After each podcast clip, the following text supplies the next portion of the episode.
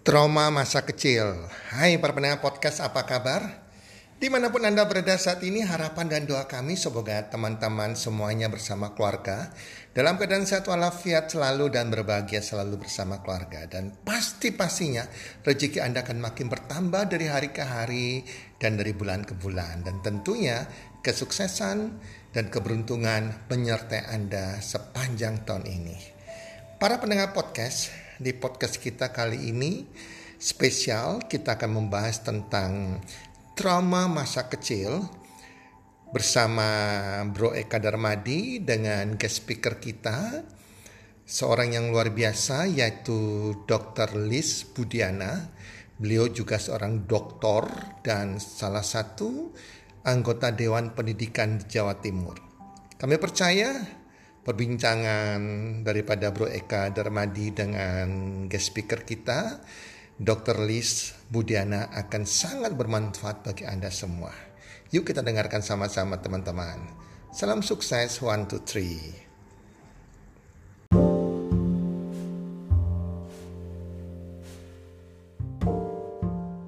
Halo semua, pada episode podcast kita kali ini dengan judul Trauma Masa Kecil. Nah, pada kesempatan kali ini ada pembicara spesial yaitu Dr. Liz Budiana. Nah, Dr. Liz Budiana ini adalah seorang master di bidang psikologi dan saat ini sudah mendapatkan gelar sebagai dokter. Dr. Liz ini bekerja dan berkarir di dalam dunia pendidikan, pernah menjadi seorang guru, kepala sekolah, dan saat ini sebagai konsultan di sekolah dan universitas. Saat ini Dr. Liz juga sebagai salah satu anggota Dewan Pendidikan di Jawa Timur. Dan Dr. Liz ini sudah dikaruniai oleh dua orang anak. Nah, moto hidup daripada Dr. Liz ini adalah live life to the fullest. Nah, tanpa panjang lebar, kita sambut Dr. Liz. Halo Dokter Liz. Halo semua pendengar. Uh, uh, thank you ya Dokter Liz udah meluangkan waktunya ya Dokter Liz ya. Ya, saya juga senang bisa berbagi.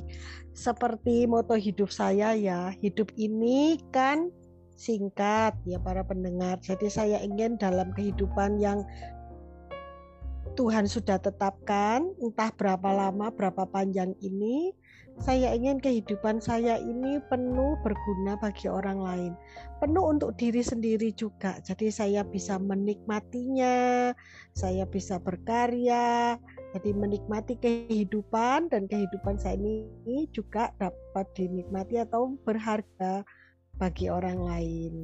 Begitu. Oke, nah Dokter Lis, saat ini kan kita akan membahas tentang trauma masa kecil ya Dokter Lis ya. Ya. Oke. Nah, ya. men menurut Dokter Lis ya, trauma itu apa sih Dokter Lis? Ya. Kalau menurut definisinya, trauma itu adalah respon terhadap pengalaman emosional yang terjadi itu tanpa diduga. Dan pengalaman yang terjadi tanpa diduga ini ya dalam hal ini pasti konotasinya pengalaman-pengalaman yang kurang menyenangkan, yang tidak apa ya, yang tidak membuat kita itu indah, ah, sorry, adalah pengalaman-pengalaman yang kurang menyenangkan, yang membuatkan goresan-goresan luka di dalam kehidupan kita yang ya tidak kita inginkan, tetapi itu ada dalam kehidupan kita dan mungkin juga terbawa terus, ingat terus, jadi mempengaruhi kualitas hidup kita. Nah, pengalaman-pengalaman emosional ini seperti yang tadi saya katakan terjadi tanpa diduga dan tanpa diharapkan itu juga dengan ketidakmampuan dari kita untuk mengendalikannya. Jadi pengalaman-pengalaman emosional yang tadi itu disebut sebagai peristiwa traumatis. Oke. Gitu. Nah, menurut dokter Liz nih, apakah setiap orang memiliki trauma di masa lalu ini? Nah, kalau memang apakah setiap orang itu memang tidak bisa dikatakan pasti setiap orang itu memiliki trauma masa lalu. Artinya pengalaman-pengalaman buruk yang tidak dapat dia kendalikan itu. Cuman sebagai manusia ketika kita bertanya kepada tetangga kiri kanan, rekan dan lain-lain, kebanyakan dari kita akan mengatakan bahwa iya saya punya trauma masa lalu. Saya punya pengalaman yang tidak menyenangkan yang terjadi tanpa saya harapkan dan saya duga dan yang lebih susah lagi saya tidak mampu mengendalikannya. Nah, itulah menjadi trauma. Jadi kalau bilang saya jujur saya juga punya trauma begitu. Mungkin Eka juga punya trauma ya Eka. Pasti, pasti. Nah, ketidakmampuan yang kita kendalikan ini yang kalau boleh menjadi kata kunci pada kesempatan kita berbincang-bincang kali ini ya. Sehingga trauma itu sebetulnya kan sesuatu yang tidak bisa kendalikan. Itulah yang harusnya menjadi pemikiran kita. Karena kita kan tidak bisa menolak gitu ya pengalaman yang akan terjadi pada kita. Kita maunya sih berharap semua rencana-rencana kita, semua yang kita hadapi dari hari ke hari, setiap pengalaman-pengalaman kita itu selalu menyenangkan, selalu smooth istilahnya begitu ya. Nah, kalau sesuatu yang terjadi di luar ekspektasi kita itu kan tidak bisa ditolak gitu kan. Ada pepatah yang mengatakan untung tidak bisa diraih, malang tidak bisa ditolak. Nah, demikian juga sesuatu yang tidak bisa kita tolak ini kalau ternyata itu menjadi sesuatu yang menoreh luka di dalam emosi kita itu kita tidak bisa hindari. Yang penting adalah kembali ke kata kunci tadi. Bagaimana kita mampu untuk mengendalikannya atau dengan kata lain ketidakmampuan mengendalikan itu, mari kita usahakan bersama, kita kerjakan bersama, sehingga pada akhirnya kita mampu mengendalikan. Sehingga kalau misal ditanya apakah saya punya trauma masa lalu, trauma masa kecil, ya saya punya trauma masa lalu dan trauma masa kecil. Trauma itu akan teringat terus sampai detik ini pun saya masih ingat tetapi trauma itu tidak mengganggu kesehatan emosi saya tidak mengganggu kehidupan saya karena pengalaman yang tidak enak itu yang bisa dibilang menjadi trauma itu saat ini sudah saya kendalikan begitu. Oke. Nah, Miss, mungkin Miss bisa kasih contoh nih beberapa contoh trauma-trauma seseorang itu ada macamnya itu apa aja nih Miss? Mungkin contoh aja. Ya, contoh yang paling umum misalnya ya, ya kan kita nggak bilang hanya anak-anak. Boleh kalau anak-anak kan bermain dengan temennya lalu disakiti gitu ya. Itu bisa jadi itu trauma. Oke, kalau mau yang lebih jelas lagi, nah mungkin sekarang lagi in ini tuh dari zaman dulu sampai sekarang mungkin masih tetap in ya Eka yaitu berpacaran. Lalu putus begitu ya. Diputusnya itu tidak enak begitu ya. Rasanya kalau pacaran itu semua kenangan pasti indah. Yang paling tidak indah itu ya ketika putus gitu ya Eka ya. Nah ketika putusnya itu entah diputuskan oleh SMS atau putus apa pun gitu yang tidak enak Terus saya akan bilang, wah aku ini trauma pacaran. Aku pernah toh diputuskan sepihak. Aku pernah istilahnya dibuang gitu ya oleh pacar gitu ya istilahnya. Nah kalau dalam bahasa Inggris I've been dumped out. Jadi aku yang ditendang begitu kan ya Eka ya. Itu kan tidak enak. Karena itu aku trauma, trauma aku pacaran. Nah apakah terus kita trauma terus kita tidak berusaha mengendalikannya? Ya memang ada.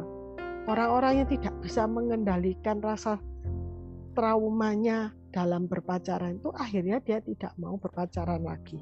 Tetapi itu kan sayang.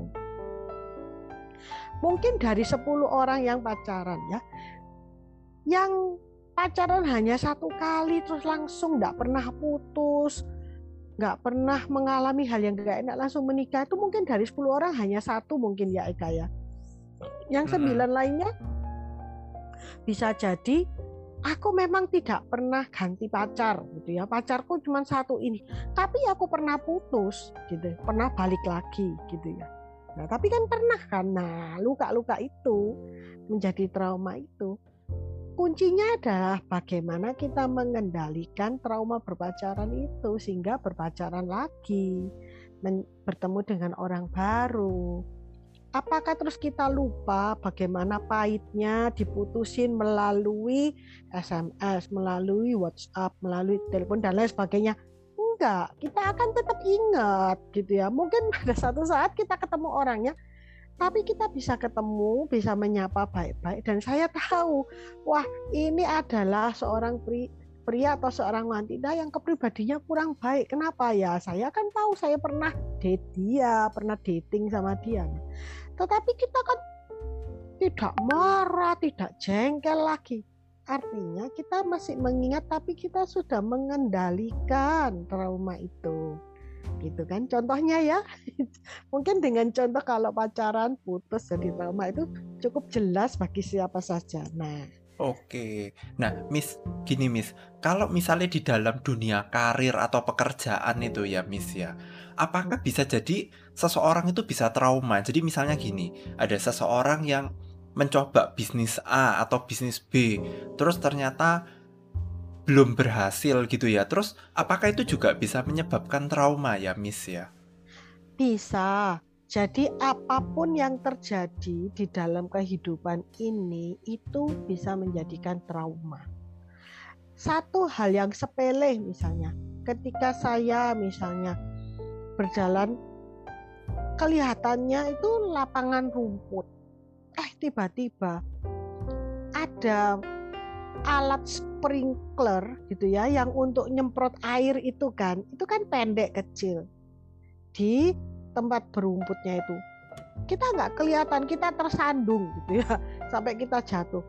Waduh sudah rapi mau pergi ke pesta terus kesandung begitu kotor itu kan sepele tetapi bisa jadi trauma. Jadi kalau misalnya ada lapangan rumput wah aku nggak mau lewat jalan lapangan rumput aku lebih baik muter tapi lewat paving yang setapak karena aku pernah tersandung sprinkler nah bisa kan mulai dari hal sepele itu sampai hal yang berat. Nah, mungkin kita pernah nonton film American Sniper ya. Jadi seorang sniper karena dia itu ada di di tempat perang gitu ya. Dia pergi ke berapa kali dia pergi ke tempat perang itu pulang dikirim lagi kayaknya sampai empat ronde gitu ya. Nah, dia itu trauma akhirnya.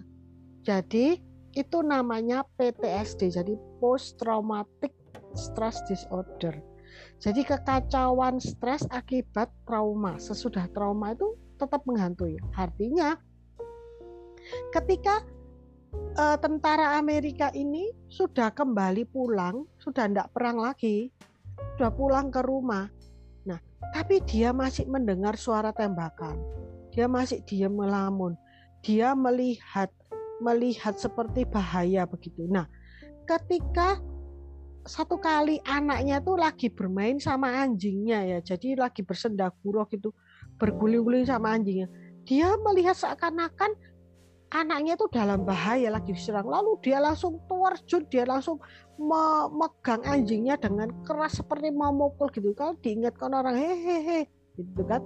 Nah, itu adalah trauma yang tidak bisa kita kendalikan karena itu parah sekali. Jadi trauma itu peristiwa apa pun bisa membuat kita trauma. Mulai dari tadi tersandung sampai ke perang. Ketika kita mengalami landing pesawat yang tidak smooth misalnya. Bisa kan kita trauma? Ya kan misalnya uh, landingnya pesawat tergelincir begitu, uh, kan trauma sekali jadinya saya nggak mau naik pesawat lagi bisa atau e, naik mobil kecelakaan walaupun tidak membahayakan jiwa tapi traumanya itu ada nah sekarang kuncinya adalah bagaimana kita bisa mengendalikan itu itu semua butuh waktu juga butuh usaha usaha dari siapa Yang pertama ya dari diri kita sendiri gitu. Nah, Miss, jadi kita kan tadi ini kan udah membahas nih beberapa contoh-contoh trauma di masa lalu kan, Miss. Nah, Ya, mungkin Miss lebih bisa menjelaskan lebih mungkin lebih rinci sedikit ya mengenai bagaimana seseorang itu bisa pulih atau bisa sembuh dari trauma masa lalunya dan Ya. dengan cara seperti apa mungkin yang praktik eh, yang bisa diaplikasikan gitu loh, Miss. ya betul gini. Yang pertama yang perlu kita eh, ketahui ya, biasanya trauma itu tidak langsung muncul. Gitu. Jadi ketika kita kecelakaan gitu ya, kita bisa keluar dari mobil, kita bisa keluar dari pesawat gitu. Tidak langsung pada saat itu. Tetapi setelah beberapa hari kita akan teringat-ingat peristiwa itu. Yaitu tadi ketika misalnya kita kita harus jalan melewati padang rumput gitu. Kita langsung enggak ah, enggak lewat situ ah. Aku tak muter aja biar jauh dikit gak apa-apa lewat paving. Nah, karena pernah tersandung. Jadi tidak langsung muncul setelah beberapa hari. Nah, biasanya setelah satu bulan peristiwa itu dan kita masih tetap mengingat-ingat itu, itu menjadi trauma, gitu ya.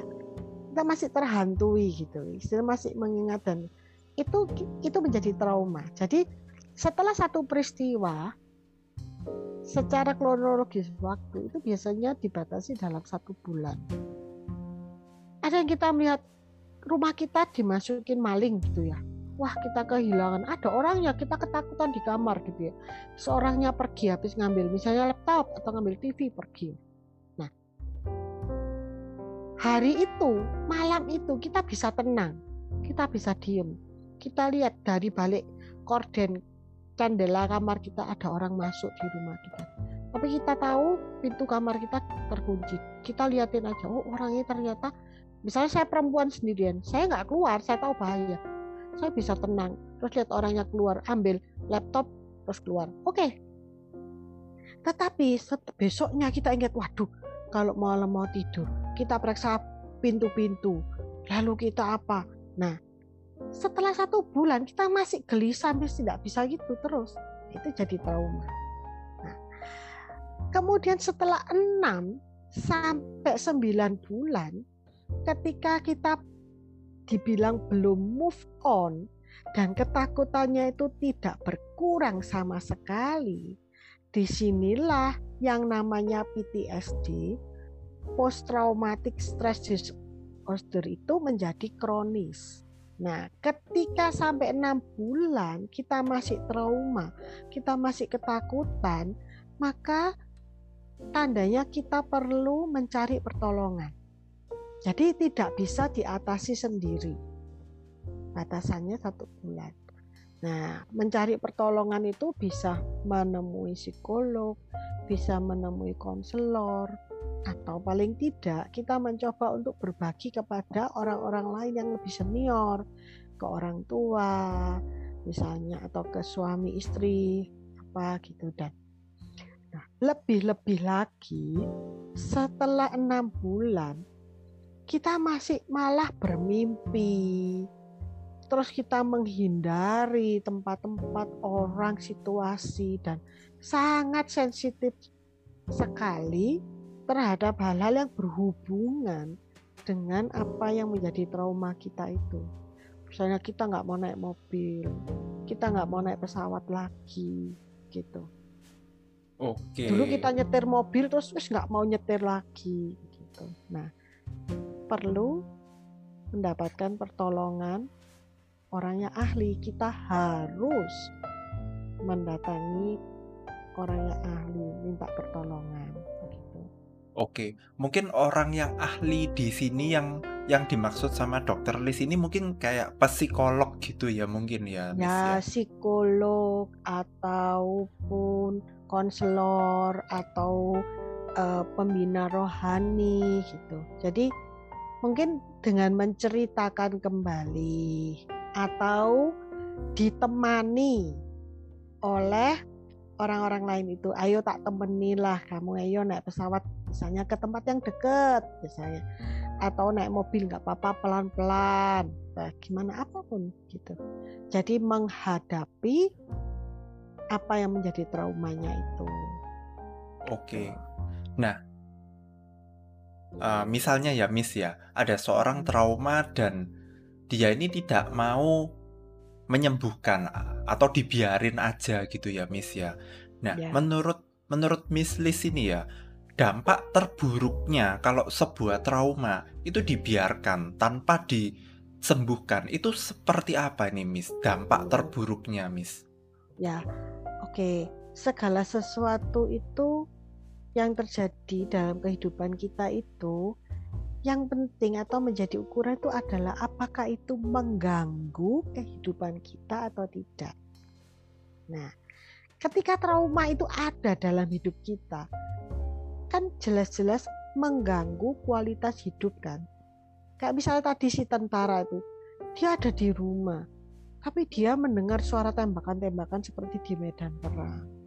Kemudian dia melihat anaknya bergurau dengan anjingnya, dia merasa anjingnya itu uh, membahayakan anaknya lalu anjingnya itu mau dibunuh mau dipegang dibanting itu kan membuat anaknya malah trauma gitu anjingnya dibunuh oleh ayahnya gitu kan dan kita juga tidak bisa tidur nyenyak kita akan menjadi seperti orang bingung walaupun ketika dalam satu bulan pertama itu normal setelah kita ternyata ada trauma itu habis pendaratan yang tidak smooth, pendaratan darurat, atau habis. Ginilah kita, aduh nyetir kurang dikit gitu kenabrak gitu kan kita kan masih kepikiran deg deg deg deg malam itu deg deg deg besok lagi lagi merasa tidak nyaman gitu ya. Tidak apa-apa asal dalam jangka waktu ya itu tadi. Pendek dibatasinya satu bulan.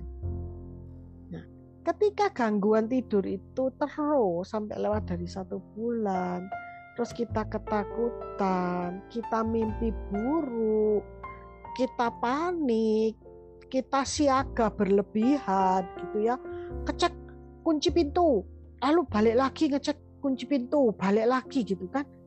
Lalu kita keringat dingin lah, berdebar-debar loh itu kan mengganggu kehidupan kan.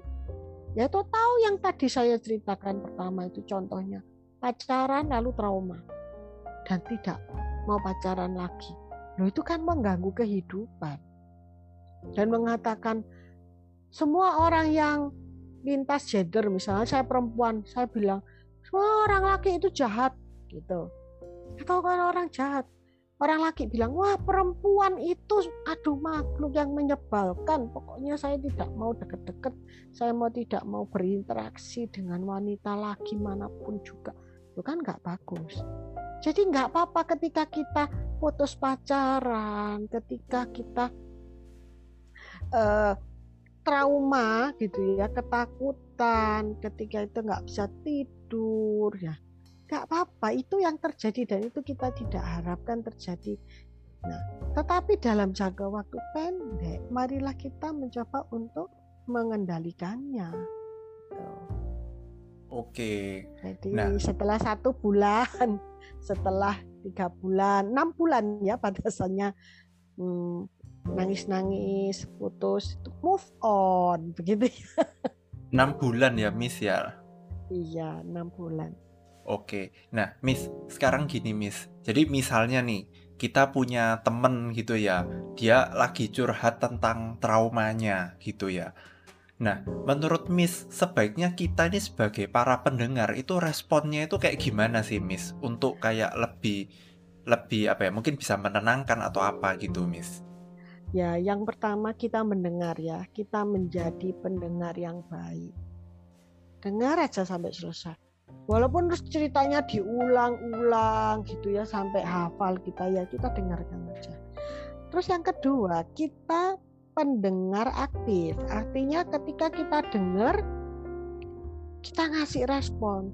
Oh gitu ya Eka ya. Aduh. Oh ya, aduh sabar Eka. Oh, terus dia nggak ngomong apa-apa. Aduh, ya ya ya ya. Tuh kamu ini sabar loh. Kamu digituin itu masih sabar kamu ini. Ya gitu. Jadi pendengar yang aktif. Setelah itu, nah bukan kita gurui dan kita berempati. Jadi Halah, baru satu cewek aja kak. Dunia ini loh berapa juta cewek. Nah kan kita nggak bisa seperti itu. Kalau seperti itu kita seakan-akan eh, apa ya? Kita melecehkan atau kita memandang rendah satu hal masalah besar yang sedang menghimpit dia gitu kan. Jadi kita nggak empati. Ya sebaiknya jangan gitu ya. Jadi kita yang tadi yang nomor dua tadi yang saya bilang mendengar aktif lalu dengan empati nah setelah selesai kita juga sebaiknya berhati-hati nggak udahlah gitu aja kok nah, jangan dipandang kecil kan iya ya tapi aku tahu kamu mampu mengatasinya. Ini ayo. Diajak dia keluar gitu ya biasanya. Misalnya kamu trauma sama pesawat. Oke apa-apa wes nanti kita ke Jakarta nggak usah naik pesawat misalnya. Dari Surabaya ke Jakarta nggak usah naik pesawat. Naik mobil aja saya temen nih. Nah tapi kan capek ya perjalanan gini setelah temen nih. Pelan-pelan gitu. Nggak apa-apa lewat rumput dan rumput ini yuk sama aku nah aku tahu yang jalanan yang sprinklernya itu sebelah mana. Yang kamu akan lewati itu nggak ada sprinklernya dan lain sebagainya. Nah kita ajak bersama-sama melewati jalan-jalan atau melalui hal-hal itu artinya menghadapi apa yang jadi traumanya bahkan kangkur ya. Jadi mengatasi gitu. Misalnya trauma naik mobil oke kita ngobrol di mobil aja yuk duduk-duduk nggak apa-apa atau oke pelan-pelan lah gitu pelan-pelan lama-lama lama-lama akhirnya kita bisa mengendalikan rasa trauma kita kita mengendalikan apa yang sudah uh, membuat kita luka secara emosi itu tadi gitu. Oke oke Miss. Nah Miss ada nggak nih pesan-pesan buat para pendengar nih Miss? Jadi mungkin tadi kan kita sempat bahas masalah apa ya masalah trauma-trauma kan. Mungkin Miss tambahin lagi kalau misalnya kayak trauma di dalam pekerjaan atau apa. Pesan-pesannya ini kayak gimana ini Miss? Iya, gini segala sesuatu yang kita hadapi ini sebenarnya Tuhan mengizinkan seperti kita di sekolah. Jadi ketika kita kelas 1 soal-soal uh, tes-tesnya itu ya yang levelnya kelas 1, tetapi kalau tesnya itu makin berat, makin sulit itu berarti Tuhan ingin kita naik kelas ke kelas 2, kelas berikutnya. Tetapi ketika kita nggak mau, ketika kita lari dari setiap ujian itu, ya kita tidak akan naik kelas. Gitu. Jadi itu ujian-ujian itu kita hadapi. Demikian juga trauma. Apa pun yang terjadi dalam kehidupan kita ini, itu Tuhan izinkan terjadi. Dan Tuhan tahu kita itu sanggup mengatasinya. Kita itu akan menjadi pemenang. Kita mampu mengendalikannya begitu. Jadi entah apa itu, entah kita itu mencoba satu bisnis kecil-kecilan, kita itu ditipu. Walaupun kita tetap harus bijak ya, misalnya kita punya modal 100, kita nggak belanjain 100 semua, kita buat cadangan. Nah, ketika kita dikecewakan seseorang, kelihatannya orangnya itu baik, penampilannya baik, namanya orangnya baik, ternyata setelah dalam pergaulan, ternyata orang itu mengecewakan kita. Artinya itu pelajaran. Janganlah kita jadi orang yang mengecewakan orang lain, yang PHP, pemberi harapan palsu. Jadilah kita orang yang itu bermanfaat bagi orang lain, yang menginvestasikan hidup kita itu untuk keberhasilan orang lain. Nah, itu pelajaran yang kita terima. Jadi memang ketika Tuhan izinkan hal yang tidak enak, kerugian, kesakitan, kekecewaan itu terjadi dalam hidup kita. Itu maksud dan rencana Tuhan itu untuk membuat kita lebih bijak. Kita lebih kuat, kita lebih menjadi satu pribadi yang sungguh-sungguh matang. Matang dalam apa? Matang dalam menghadapi kehidupan ini. Gitu. Nah, ketika ada orang bilang bahwa keluar dari rumah itu ada resikonya. Ya iya, gitu. Resikonya nggak perlu ketabrak mobil. Resikonya ketika ada burung lewat di atas kita dan dia buang air. Wah, mengotori baju kita. Nah, tetapi apakah itu akan membuat kita tidak keluar rumah? Ya kalau sekarang memang tidak boleh keluar rumah karena pandemi sebaiknya membatasi. Iya, tapi apakah betul-betul kita diam aja di dalam rumah tidak keluar dalam arti yang non harafi artinya keluar itu mencari ilmu, melakukan usaha, bukan sekedar keluar ke jalan, jalan-jalan. Nah, apakah kita akan menarik diri? Enggak kan? Walaupun tetap ada resikonya. Tetapi percayalah bahwa Tuhan itu setia. Tuhan itu mengasihi kita. Tuhan itu akan melindungi kita dan Tuhan tidak akan memberikan pencobaan di luar kekuatan kita. Nah, sekalipun trauma itu terjadi, kita itu manusia biasa. Kita itu bukan superwoman, bukan superman. Bisa saja batiniah kita, emosi kita itu terluka. Bisa saja. Lawong sudah berteman sekian tahun, sudah pacaran di atas tiga tahun, putusnya karena hal sepele dan lain sebagainya terluka bisa saja. Dan itu seizin Tuhan. Itu Tuhan izinkan terjadi untuk membuat kita lebih dewasa lebih matang lebih menjadi sebuah pribadi yang nantinya dibanggakan oleh Tuhan. Itu. Namun terlepas dari ini para pendengar bila ternyata kita itu tidak mampu mengatasinya sendiri diukurnya oleh kronologis waktu. Setelah satu bulan oke okay, kita kasih waktu lagi. Setelah enam bulan kita itu masih menangis menangis mengingat kekasih kita. Kita masih tidak bisa keluar kita masih jengkel terhadap orang itu. Kita nggak bisa bekerja kita nggak bisa tidur nyenyak. Kehidupan secara umum kita. Kehidupan umum itu yang paling mendasar.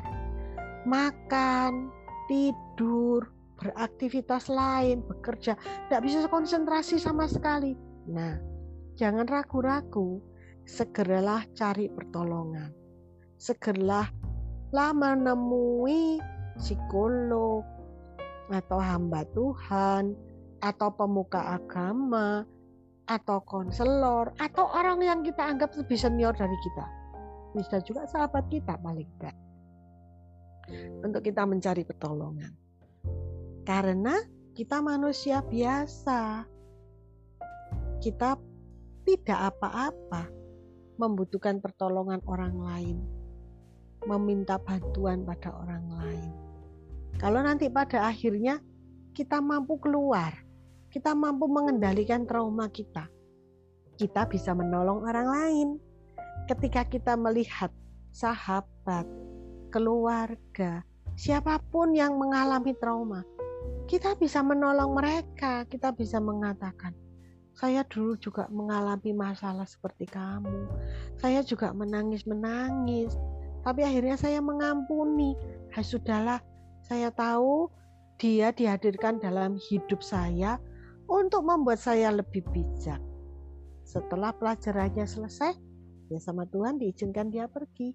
Saya menjadi sebuah pribadi yang lain, yang lebih matang, lebih bijak, karena setiap hal-hal yang tidak enak, karena setiap trauma yang Tuhan izinkan terjadi dalam hidup kita. Oke, thank you banget ya Miss ya udah meluangkan waktunya ya Miss ya. Sama-sama Eka, senang dapat berbagi. Oke, buat para pendengar, sekian episode dari dari kami. Sampai jumpa di episode-episode selanjutnya. Dadah.